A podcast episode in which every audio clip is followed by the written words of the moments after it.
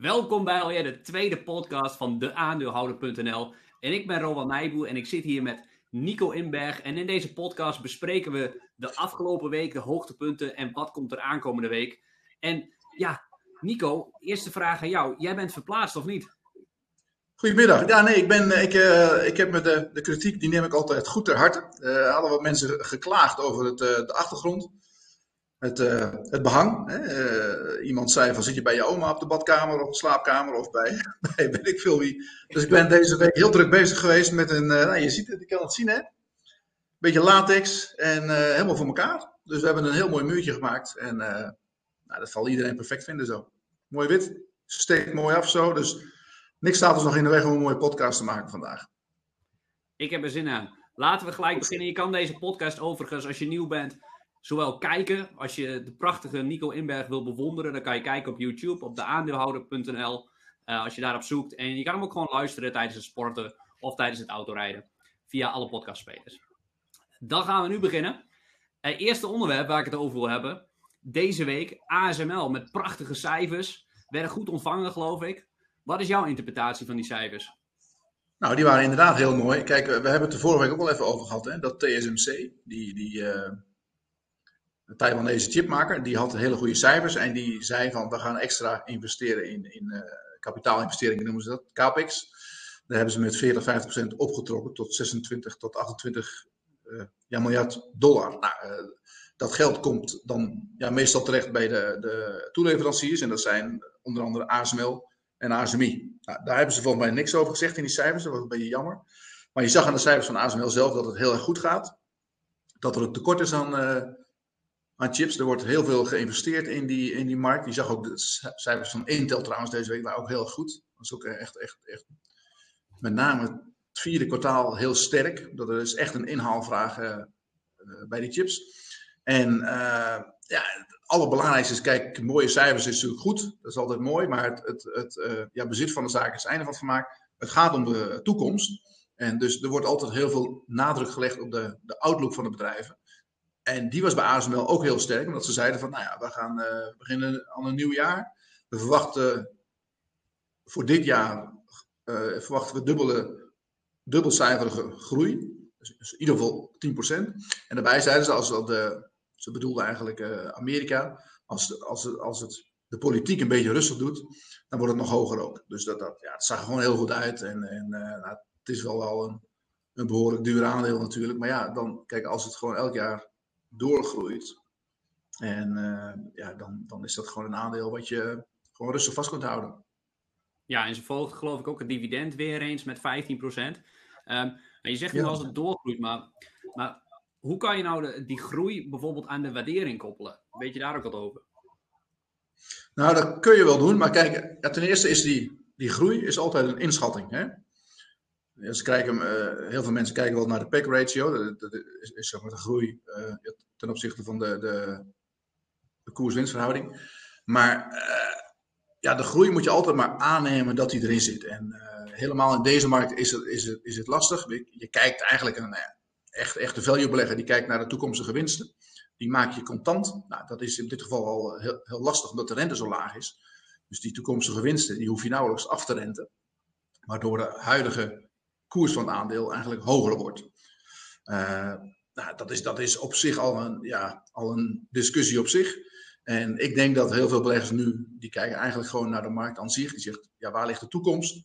Waar wordt in geïnvesteerd de komende tijd? En daar wil ik zitten. En dan ja, zie je dat die chips, die lopen gewoon heel erg goed. Die komen echt overal in straks.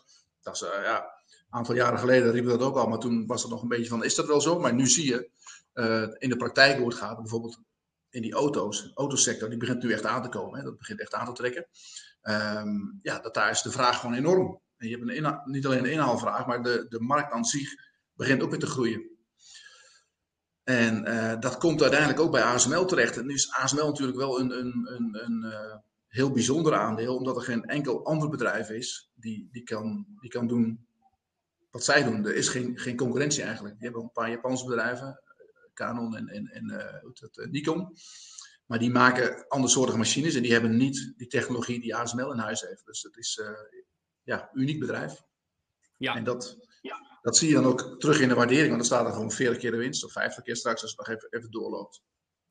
Ja, volgens mij zelfs bijvoorbeeld 14 keer de omzet. En als je de koers-winstverhouding ziet, uh, dan ga je richting de 150 op basis van afgelopen jaar. En het bedrijf is, is nu 193 miljard waard, het grootste, grootste Nederlandse bedrijf.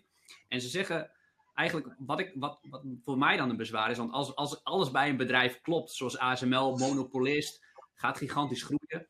Ja, als alles klopt, dan zit er soms ook een catch. En als ik dan de omzet nu zie van afgelopen jaar in totaal 14 miljard, op een marktkapitalisatie van 193 miljard. En ze gaven zelf in 2018 een doelstelling van 25 eh, miljard omzet in 2025.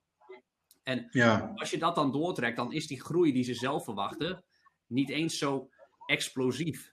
En ja, kan er ook iets in de waardering, een kwestie zitten dat dat misschien uh, too good to be true is? Hmm, dat kan altijd, hè. ASML, maar ASML heeft altijd de, de verwachtingen waargemaakt. Die, uh, de lat ligt er altijd hoog en toch gaan ze er iedere keer overheen. En kijk, uh, er zit ook nog een soort. Wat ze, wat ze gedaan hebben, is, is de. Ze, ze waren afgelopen jaren bezig met de ontwikkelingen van een, van een nieuwe machine. EUV-machines. En uh, als je dan kijkt, wij kijken ook altijd heel erg naar de bruto marge. Dus hoeveel, hoeveel, hoeveel, hoeveel winst uh, maken ze op die machines. En die bruto marge bij die nieuwe machines is nog aan de lage kant. En dat komt, er zit een soort leereffect in. En hoe, meer, hoe meer van die machines je verkoopt, die dingen kosten 100 miljoen per stuk. Hè? Dus het is niet dat je die dingen bij bosjes de deur uitgaat. Dus het gaat allemaal niet zo hard. Maar uh, het is wel zo, ja, hoe meer je er verkoopt, hoe, hoe hoger ja, je winst uitkomt. Want je, je, je, doet, je doet steeds meer ervaring op. Nou, de afgelopen jaar hadden ze een winst per aandeel van 8,5 euro, geloof ik. 8,59 dacht ik. 49. Maar voor dit jaar uh, als ik kijk naar de analistenverwachtingen, dan ligt die winst per aandeel, die, die, die gaat boven een tientje. Nou, dan heb je alweer een heel andere waardering. En op een koers van, wat staat er nu? Uh, 470, ja, dan sta je 47 keer de winst. Is nog steeds hoog, hè? Is niet goedkoop. Maar uh, moet je meenemen dat het een monopolist is, uh, het uniek bedrijf is, dat de, de, de groei de jaren daarna misschien nog wel harder gaat. Dat ze dan wel nog een leereffect in zit, dat ze naar misschien wel 12 tot 15 euro per aandeel gaan in, in, in de komende jaren. Nou, dan, dan heb je het alweer over een heel andere waardering. Dus uh, dan kom je op 30 keer de winst. Nou ja, en, en een bedrijf als ASML, die mag altijd met, met een beetje lichte groei erbij. Ja, is een waardering van tussen de 25 en 30 keer de winst is vrij normaal eigenlijk voor zo'n bedrijf. Met die unieke kennis en, en uh, technologie die ze hebben. Okay. Dus er zit ook altijd een, een, stukje toekomstverwachting in. Je ziet dat de beurs nu heel goed ligt. We hebben extreem lage rente, dus dat geld moet ergens heen. Dat speelt allemaal mee met die waardering. Ja. En, uh, maar goed, het, het, blijft natuurlijk een uh, extreem uh, hoge waardering. Want het, ja, een tijdje geleden stonden ze op 150 en nu staan ze drie keer zo hoog. Terwijl ja. de, de omzet is wel aangetrokken, maar niet extreem veel. Ja, ja. Dus, dus klopt het in die zin dat de toekomst ook wel goed moet zijn? Wil het een mooi verhaal zijn dat als er mogelijke tegenvallers zijn op bijvoorbeeld technologisch gebied, misschien extreme geopolitieke tegenvallers, dat zo'n aandeel dan ook wel is. Dat kan, dat kan, want het is en blijft een cyclisch aandeel. Dus ze hebben te maken met die, die, die hele chipmarkt, die gaat altijd, altijd op en neer. Het gaat altijd in golven. Kan heel hard, heel hard groeien. En dan heb je weer een paar jaar dat het, dat het in, in elkaar gaat. Je ziet dat heel mooi aan Bezi bijvoorbeeld. Dat is zo'n aandeel wat extreem hard op en neer gaat. Stond een aantal jaren geleden 15 euro iedereen boos, want, want uh, hoe komt dat nou? Ze kwamen van de 40 en nu staat er weer 58. Nou, uh, en nu kan het misschien wel naar de 70 of de 80. Dus je kijkt naar de waardering van ASMI bijvoorbeeld, die is enorm hard opgelopen. Ik weet nog dat ik een aantal jaren geleden, 2014 geloof ik, toen schreef ik veel op, uh, op Seeking Alpha, de Amerikaanse website. En dan mocht je alleen schrijven over, over Nederland. Ik, schreef over Nederlandse aandelen, maar je, je mocht alleen schrijven over Nederlandse aandelen die ook een Amerikaanse listing hadden. Die hadden zij toevallig. Dus heb ik maar heel veel uh, geschreven over ASMI. En dat stond toen 14, 15 euro. 14 euro. Nu staat er 220.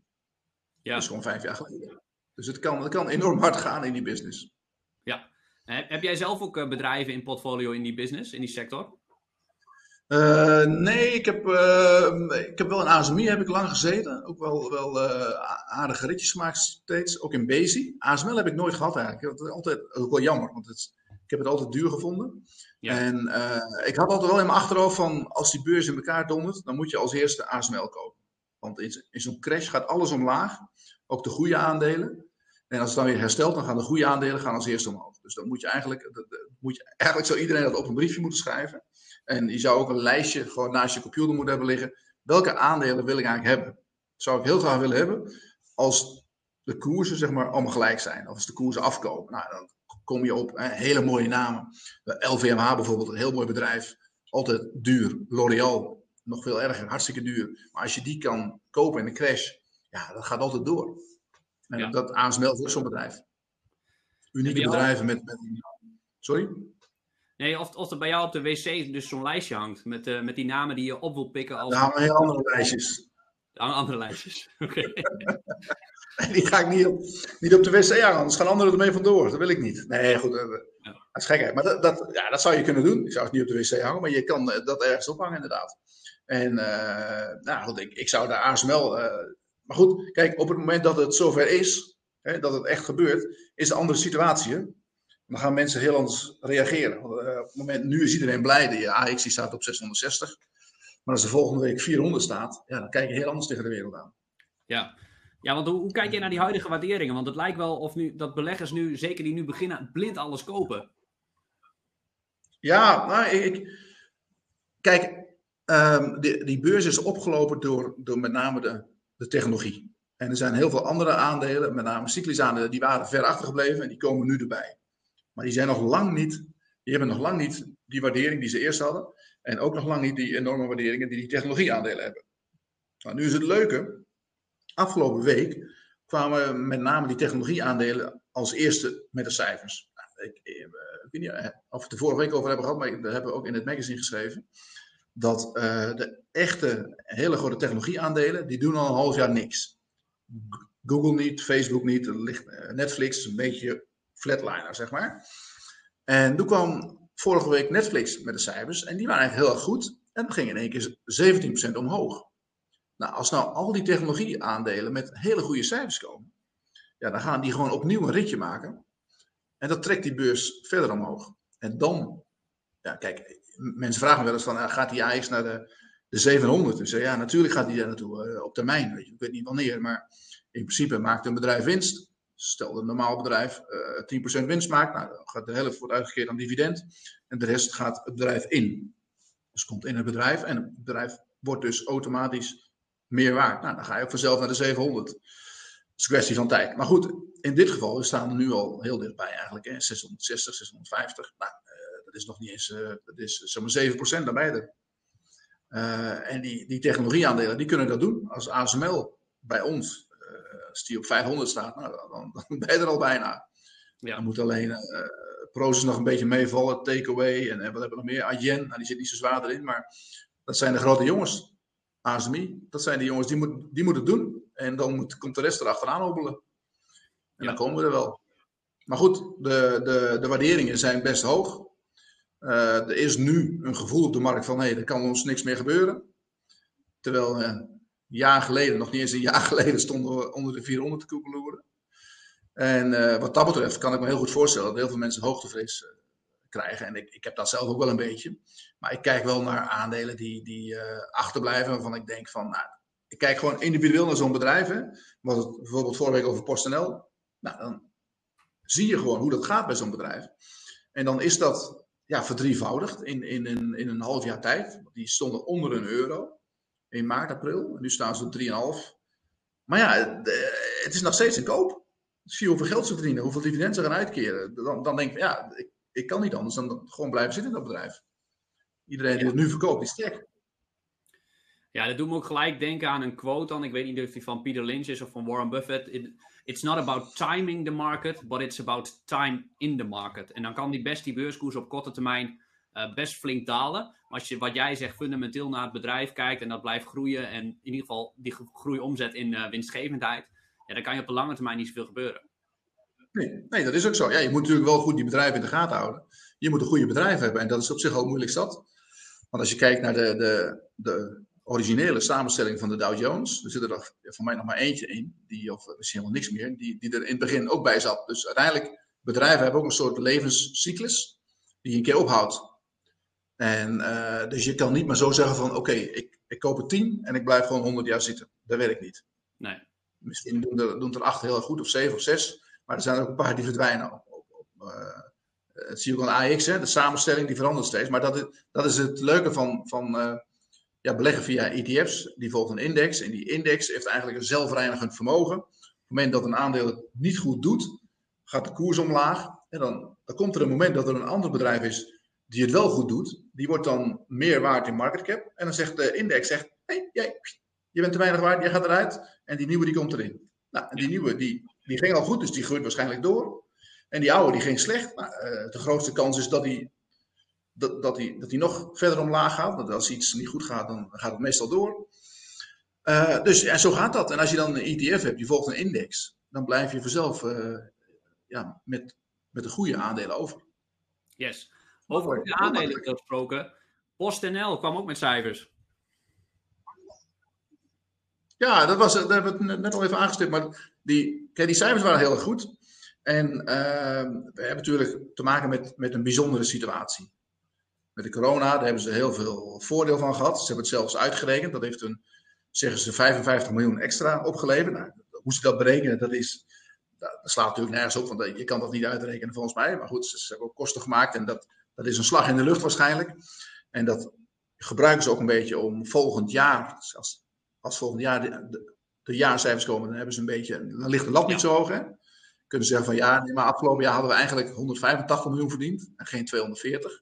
En nu hebben we 190. Dus we hebben uh, een stijging van de winst. Nou goed, dat, dat, ja. uh, zo werkt dat. Maar ze hadden fantastische cijfers. Ze hebben enorm druk gehad in het vierde kwartaal. Dat, dat was ook wel bekend natuurlijk. Maar je wist niet hoeveel, hoeveel ze er overheen zouden gaan. En uh, we zagen al de cijfers van Deutsche Post. Die hadden een extreem vierde kwartaal.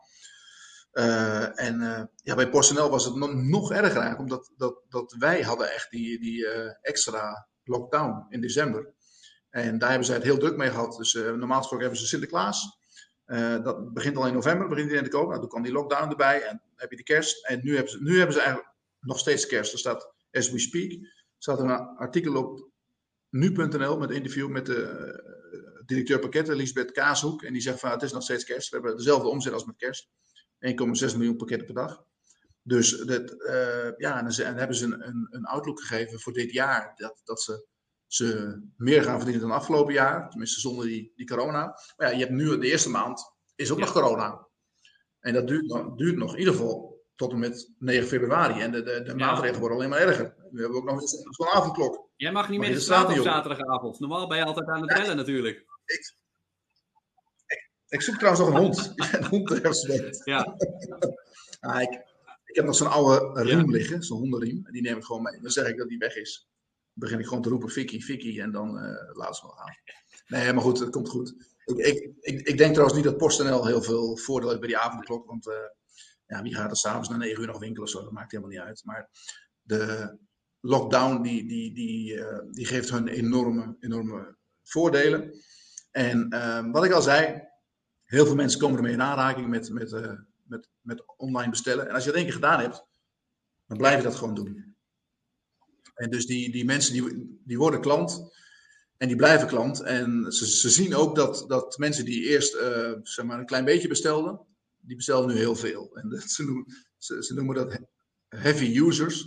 Die hebben dan echt hun, hun omzet uh, verdubbeld. En uh, nou ja, dat komt allemaal, dus ze werken heel efficiënt. Dus er komt gewoon heel veel geld binnen daar. En het leuke is, want je houdt natuurlijk, jij bent een dividendbelegger neem ik nee. aan, hè? toch? Nou, ik, uh, ik, het gaat erom wat, wat, waar, wat? wat heb je tegen dividend? Wat heb je nou, tegen dividend? Ik vind dividend is soms een zwaktebod. Maar het gaat er uiteindelijk om wat het bedrijf doet met de winst die het maakt. En voor een Ahold is het waarschijnlijk heel goed om veel dividend te betalen. Voor Shell ook als je niet kan groeien. Voor de rest is het het belangrijkst.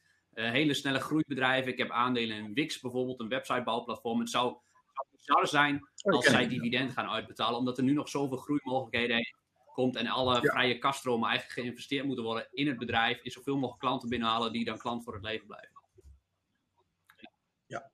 Oké, okay. nee, maar dat kan ik begrijpen.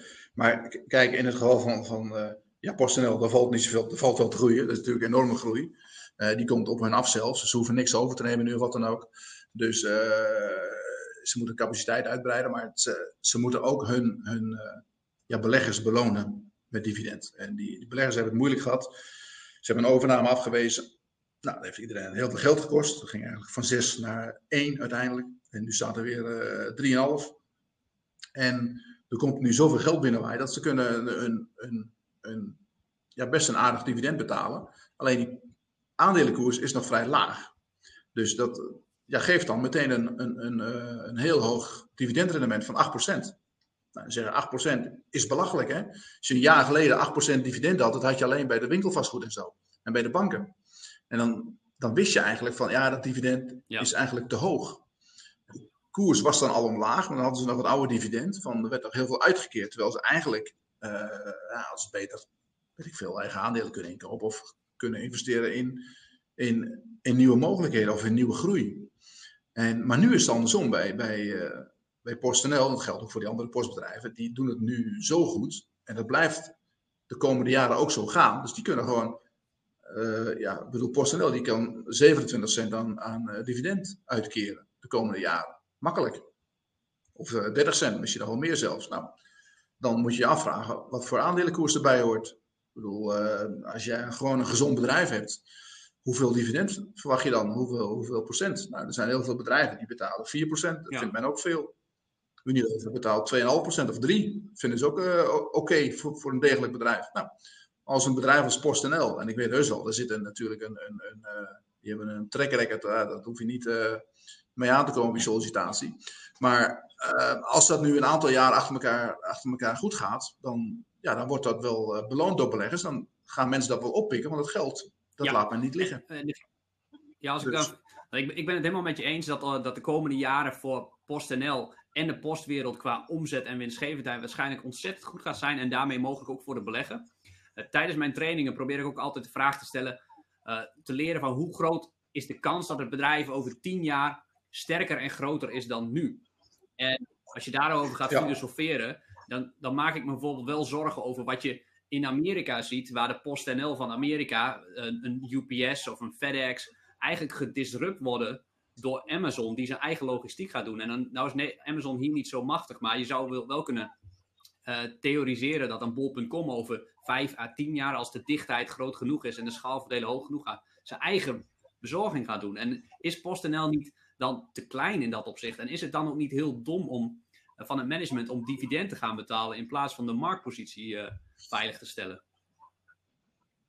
Ja, daar zou je iets bij kunnen voorstellen. Ik, ik, weet niet hoe die toekomst eruit gaat zien. Ik weet wel, bol.com en PostNL, die werken, die werken intensief samen. Dus het, het PostNL heeft zelfs in Waalwijk bij bol.com, daar hebben zij een deel van het gebouw, daar zit PostNL, die zit bij hun in het gebouw.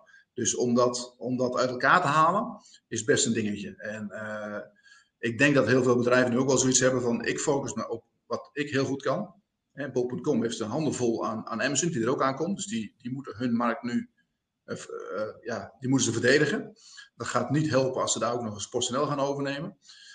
Denk ik. En uh, ja, PostNL die, kan, die, die doet datgene waar zij heel goed in is. Dus die gaat ook niet opschuiven, opschuiven die kant op. Ik kan me wel voorstellen dat op termijn misschien een Ahold ehm, die dan toch die positie van bol.com wil verdedigen, dat die misschien wel gaat kijken naar een, een, een eigen distributienetwerk. Of, maar dat uh, Ahold heeft ook alweer Albert.nl, dus die, die doen zelf ook alweer veel bezorging. Dus het wordt een hele, hele ingewikkelde markt. Ik sprak van de week iemand, toch wel uh, hoog inschat, die zei van nou, er komen wel fusies aan in die markt, omdat de, de, er zijn best veel partijen nu. Uh, dat, dat, dat de online verkopen die, die stijgen elk jaar door. Hè? Dus ze, ze, krijgen steeds meer werk.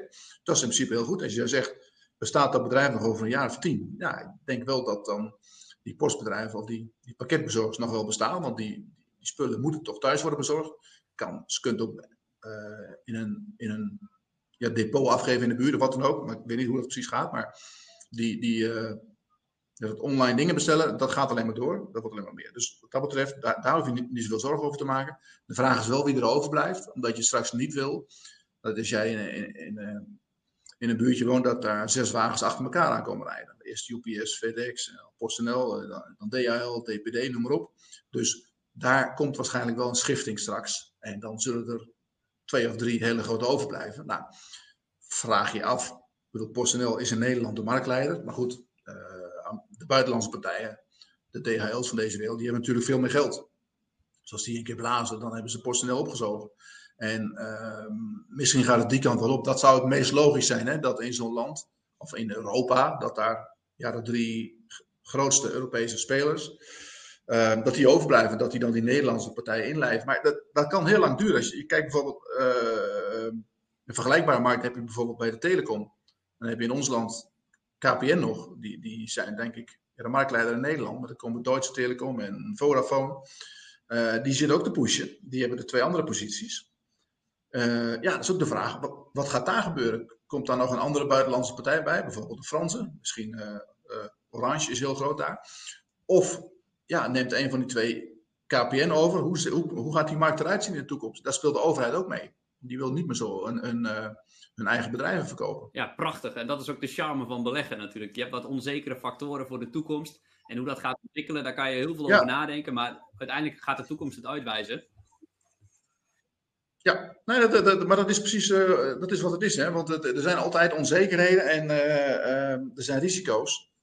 En er zijn kansen. En ja, hoe hoger het risico is, vaak hoe hoger de kans is op succes. Maar ja, de, dan kan het ook misgaan. Als je zekerheid wil, dan moet je een staatsobligatie kopen. Dan, dan weet je zeker dat je niks krijgt. Maar dan je wel je geld terug. Ja. Je krijgt wel je geld terug. Dat is ook fijn. Ja, soms zie ik op op Instagram of zo wel eens post of zo van ik, ik weet 100% zeker dat dit aandeel gaat verdubbelen. Ik denk dat, ja, ik denk dat dan hele gevaarlijke uitspraken zijn. Heb jij wel eens, ben jij wel eens 100% zeker geweest van een aandeel dat die goed gaat doen? nou, nee, kijk, dat, dat, dat, soort dingen heb ik wel afgeleerd. Dat is, uh, als ik dat hoor van iemand, dan zeg ik altijd van, uh, dan moet je gewoon al je geld erin steken. Nou, dat willen ze dan ook niet. Maar dat, dat is onzin. Je kan, dat, je kan nooit 100% zeker weten. Er zijn zoveel factoren van invloed op een aandeel. Dus het is, het is altijd een inschatting. En uh, god, ik heb dan zo vaak fout gehad. Vroeger dat je dacht van, ik heb wel eens, ook in mijn, mijn tijd als optiehandelaar, dan, dan ging je naar de beurs en had je, ik herinner me nog een, dag in Philips. Die hadden jaarcijfers en die waren fantastisch. Echt waar. Ik had een enorme longpositie. Ik had heel veel eh, calls in positie. Dus ik dacht, ik zei softwarekantoor vandaag helemaal binnenlopen. En uh, die koers opende ietsje hoger en ging daarna alleen maar omlaag. Alleen maar omlaag. Ik begreep er niks van. Hele mooie cijfers.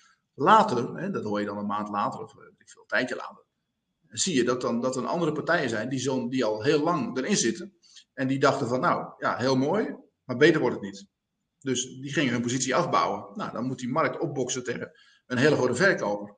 En uh, dus dat soort dingen kan je altijd meemaken en tegenkomen. En uh, er kunnen altijd dingen gebeuren die jij niet hebt gezien of hebt ingeschat. En uh, wat ik er met name van heb geleerd, is dat ik altijd, ik ga altijd op zoek naar de argumenten van mijn tegenstander.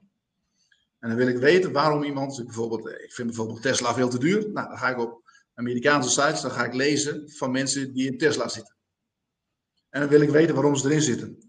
waarom ze het uh. We hebben daar ja, dit weekend een heel mooi verhaal over. Ik heb een uh, uh, Amerikaanse jongen ontdekt. Die post ook op social media. Die heeft al zijn geld in Tesla zitten. Alles. Hij heeft 13 miljoen dollar. En gewoon een slimme jongen, 40 jaar en, en heeft een goede baan. En die, die, die, die, die komt dus elke week laten zien hoeveel geld er erbij is of er af is. En laatst was, uh, was Tesla een keer 8, 9% lager. Dan had hij, was er 1 miljoen af. Nou, dan laat hij een foto zien van zijn, zijn positie, van zijn, zijn portefeuille. En dan staat er gewoon min 1,1 miljoen dollar. maar die jongen die, die werd geïnterviewd door een Amerikaanse krant. En die zei dus gewoon van ja, ik, ik ga dat nooit verkopen, want ik had ze gekocht op 58, 58 dollar gemiddeld. Dat zit ook al heel lang goed. En hij zei, hij zei van, ik heb al zo vaak gehoord dat ik ze moet verkopen. Op, op 150, op 250, op 300.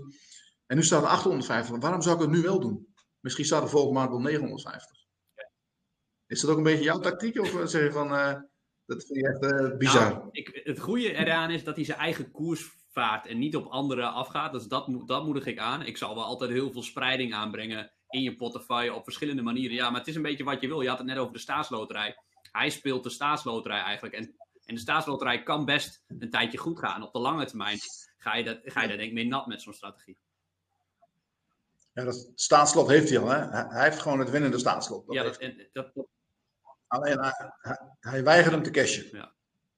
Omdat hij denkt dat, dat, dat hij nog veel ja. groter wordt. Ja ja, het, het kan natuurlijk niet extreem veel groter meer. Het, kan, Tesla kan nooit meer de stijging meemaken van 700% van 2020. Want dan wordt het wel zo groot. Dan wordt het uh, acht, acht keer de Nederlandse economie, zeg maar. Dat, ja, dat lijkt me onwaarschijnlijk.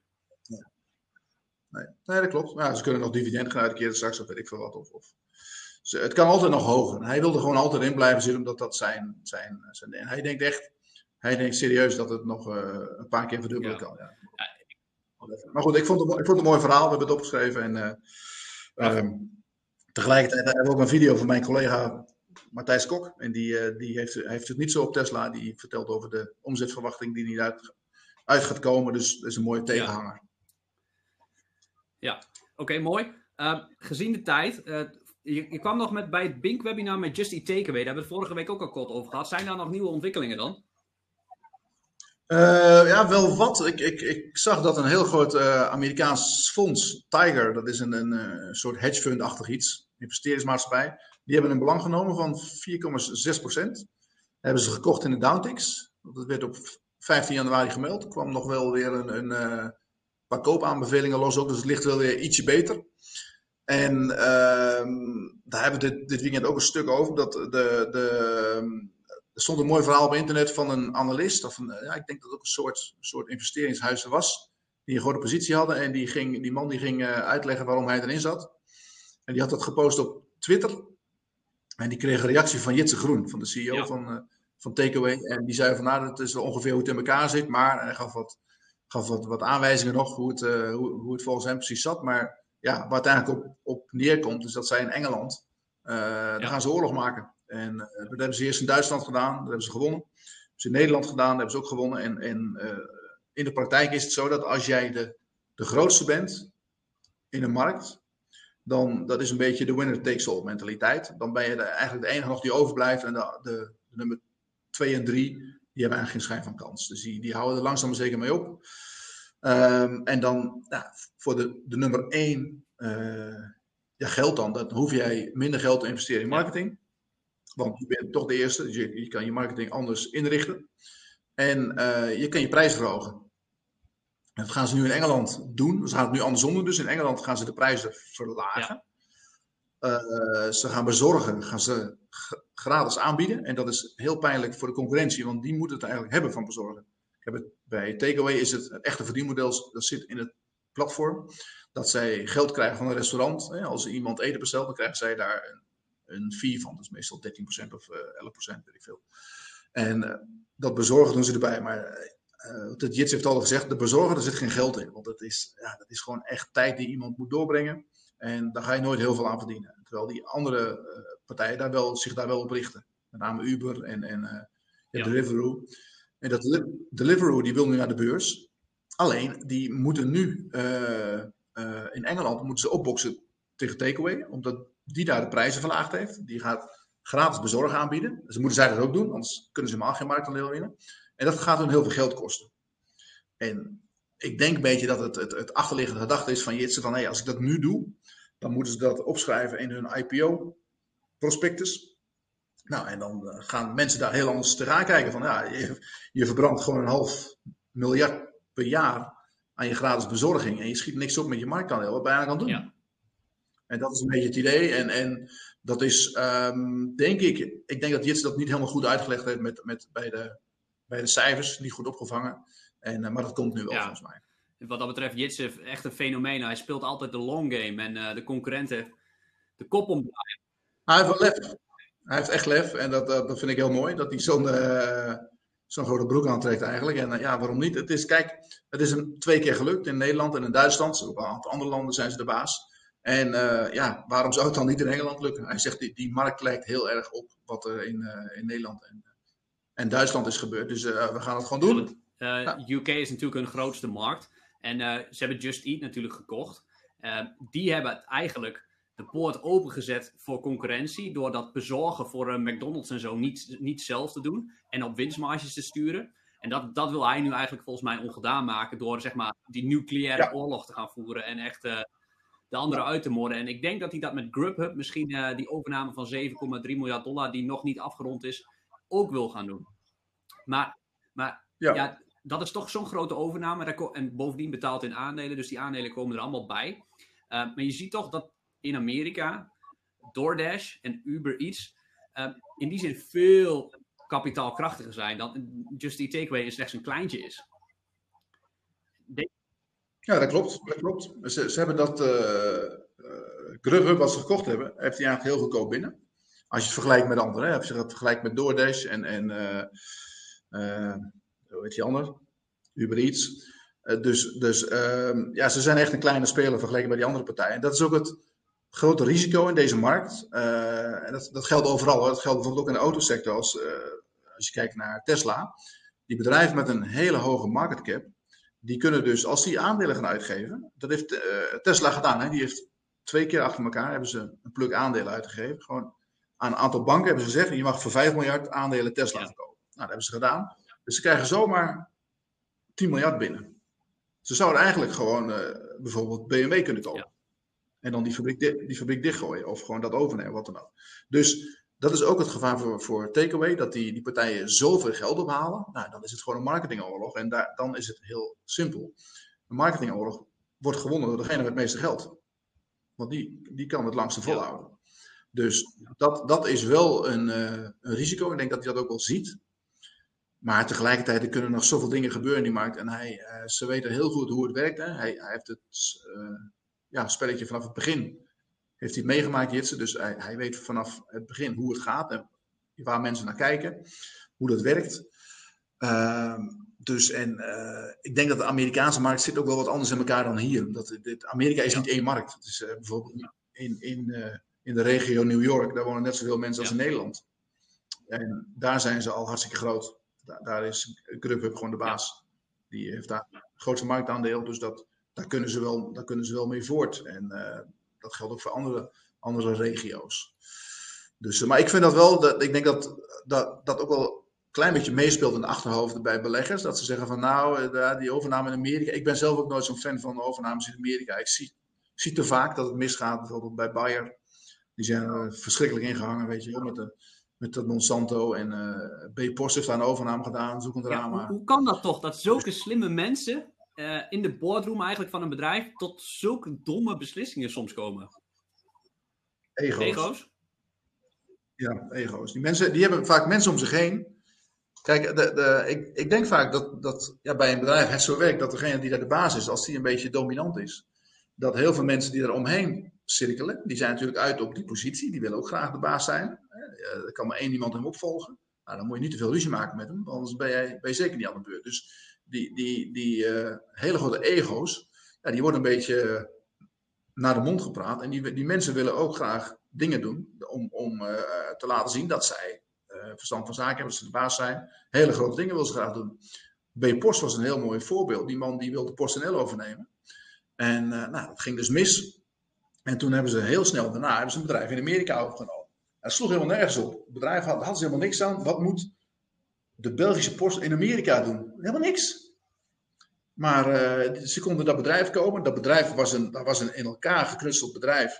Dat was een, een, een bedrijf van twee hedge funds hadden samen een aantal bedrijven aan elkaar geknoopt. En dat hadden ze geïntegreerd en dat liep eigenlijk helemaal niet. En dat hebben ze voor de hoofdprijs verkocht aan B-Post. Nou, die lui komen nog niet bij van het lachen. En uh, nou ja, goed. B-Post die krijgt het bedrijf in handen en vervolgens uh, ging alles mis wat er mis kon gaan. En uh, nou ja, daar komt van het een en ander. Dus die, die, maar die, die mensen willen dan zo graag over een mislukking heen stappen of weer wat nieuws doen. Of kijk mij eens naar Amerika gaan, weet je wel. Er wordt gewoon niet goed over nagedacht. Ze hebben niet de goede adviseurs. En ik denk wel, adviseurs zijn ook altijd niet, als je je door al die banken laat adviseren. Ja, die willen graag een, die willen, die willen, die willen een deal doen. Ja en een fee hebben. Dus die zit ook niet altijd. Dan zeggen van, nou joh, je beter niet doen, dit en dat. Dus uh, ja, ik, ik denk, die bedrijven zouden meer moeten luisteren naar, naar uh, aandeelhouders die gewoon voor langere tijd erin zitten. Want die zijn veel voorzichtiger. Die kijken veel meer naar wat, wat, wat echt, wat wijsheid is. En uh, die luisteren niet al te veel naar een CEO. Maar heel vaak heeft een CEO toch wel echt de broek aan. En die bepaalt gewoon wat er gebeurt. Ze zeggen niet voor niks, de vent maakt de tent. Ja, ja. ja, uh, ja. Hoe, hoe, hoe belangrijk is, is management dan voor jou in jouw beleggingsbeslissing? Nou, dat is wel heel belangrijk. En ik merk ook dat dat, dat, dat door heel veel mensen belangrijk gevonden wordt. Ik merk het bijvoorbeeld nu met PostNL. Dat, ja, ik ben best enthousiast over dat bedrijf aan zich. Maar ik kan, ja, ik hoor van heel veel mensen die zeggen van ja, maar uh, PostNL, het management, een aantal jaren geleden was het niks en dit is overkomen en uh, ze hebben gewoon mazzel. Ja, daar wordt echt wel naar gekeken. Er wordt echt rekening mee gehouden wie daar zit. En uh, een ander voorbeeld, bijvoorbeeld Egon. Egon was jaren uh, bedrijf wat niet goed presteerde. Altijd, altijd winstwaarschuwingen, was altijd wat aan de hand. Koers bleef achter bij, bij, bij ASR en bij NN. En nu komt die, de baas van NN is overgestapt naar Egon. Die, hoe heet die? Friese. En uh, die heeft een verleden bij Egon en die wil dat graag weer, weer, weer op, uh, op uh, poten zetten. En ineens begint het aandeel te leven. Dat mensen denken van, hé, hey, die kerel komt daar, die weet hoe het werkt. Hij heeft bij NN heeft hij goede dingen laten zien. Nou, dat, dat alleen al is een reden om de koers van een aandeel te laten stijgen. En dat is gewoon heel belangrijk, omdat inderdaad, die man die komt daar en die zegt, die wordt natuurlijk aangenomen. En dan zegt die raad van commissaris van, oké, jij wordt hier de chef, hoe wil je het gaan doen? Nou, zeggen dit en dat, zus en zo. En dan krijgt hij, uh, dan krijgt hij toestemming om dat te doen. En dan gaat hij het doen. Uh, we, we, gaan afsluiten gezien de tijd. We zitten alweer op 41 minuten. Even kort, wat komt er in het magazine? En wat is er op de week uh, op de beurs? Ik heb het, ik heb het opgeschreven, want ik, daar gaat zoveel komen af en toe vergeten. We hebben heel veel. We hebben een artikel over specs. Special Purpose Acquisition Companies. Heel interessant. Daar valt heel veel geld te verdienen. Er zit wel enig risico aan. Maar daar hebben we denk ik een heel goede uitleg en ook wat, wat uh, ja, dingen die leuk zijn. Er staat er nog eentje genoteerd in Nederland. Die, die kan je kopen als het wat een beetje wegzakt nog. Natuurlijk komen we terug op PostNL, ASML, Intel hebben we cijfers. We hebben een bedrijf op de intensive care. Hè, dat is een rubriek die we hebben waar aandelen op liggen. Die bekijken waar het niet zo goed mee gaat. Dat is in dit geval een Franse winkels, winkelketen, Carrefour. Die, die, kreeg een bod van 20 euro. En toen zei de Franse regering van nou, dat gaan we niet doen. Beginnen we niet aan. Dus die is weer, uh, weer weggezakt richting 15. Maar dat is een, een, ja, eigenlijk een supermarkt. Je zou zeggen, die moet het hartstikke goed hebben gedaan. Maar die koers afgelopen jaar is gewoon gedaald.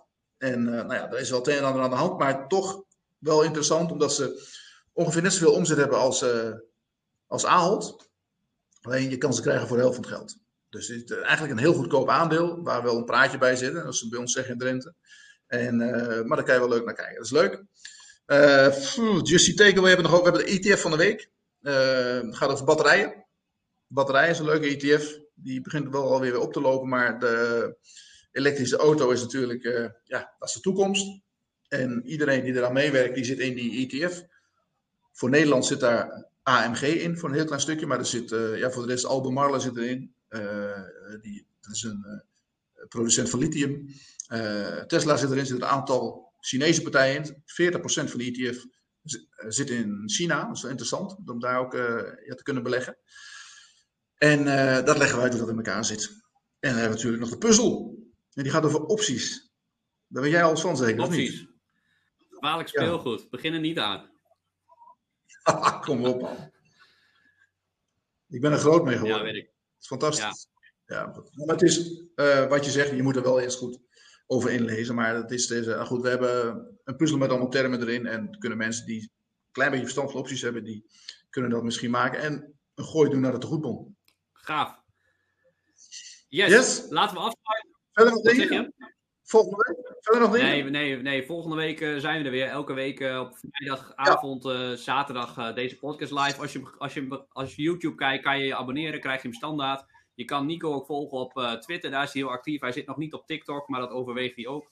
Omdat hij zo... Het is toch voor kinderen TikTok? Ja, ja, ja. Ja, nou ja, mijn vriendin zit er ook op. Dus niet helemaal. Het valt wel... Oh, ik weet niet hoe jouw vriendin is, maar... Boven de leeftijdsgrens.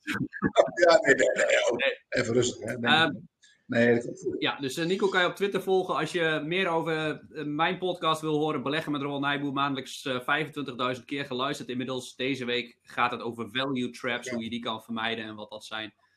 Bij Spotify of de podcastspelers op Beleggen met Rowan. En check ook vooral de aandeelhouder.nl, waar elke dag eigenlijk kerstvers nieuws op staat. En waar je geïnformeerd blijft over beleggen. En verder danken ik en Nico je voor het luisteren. En wens je een heel fijn weekend. Tot ziens.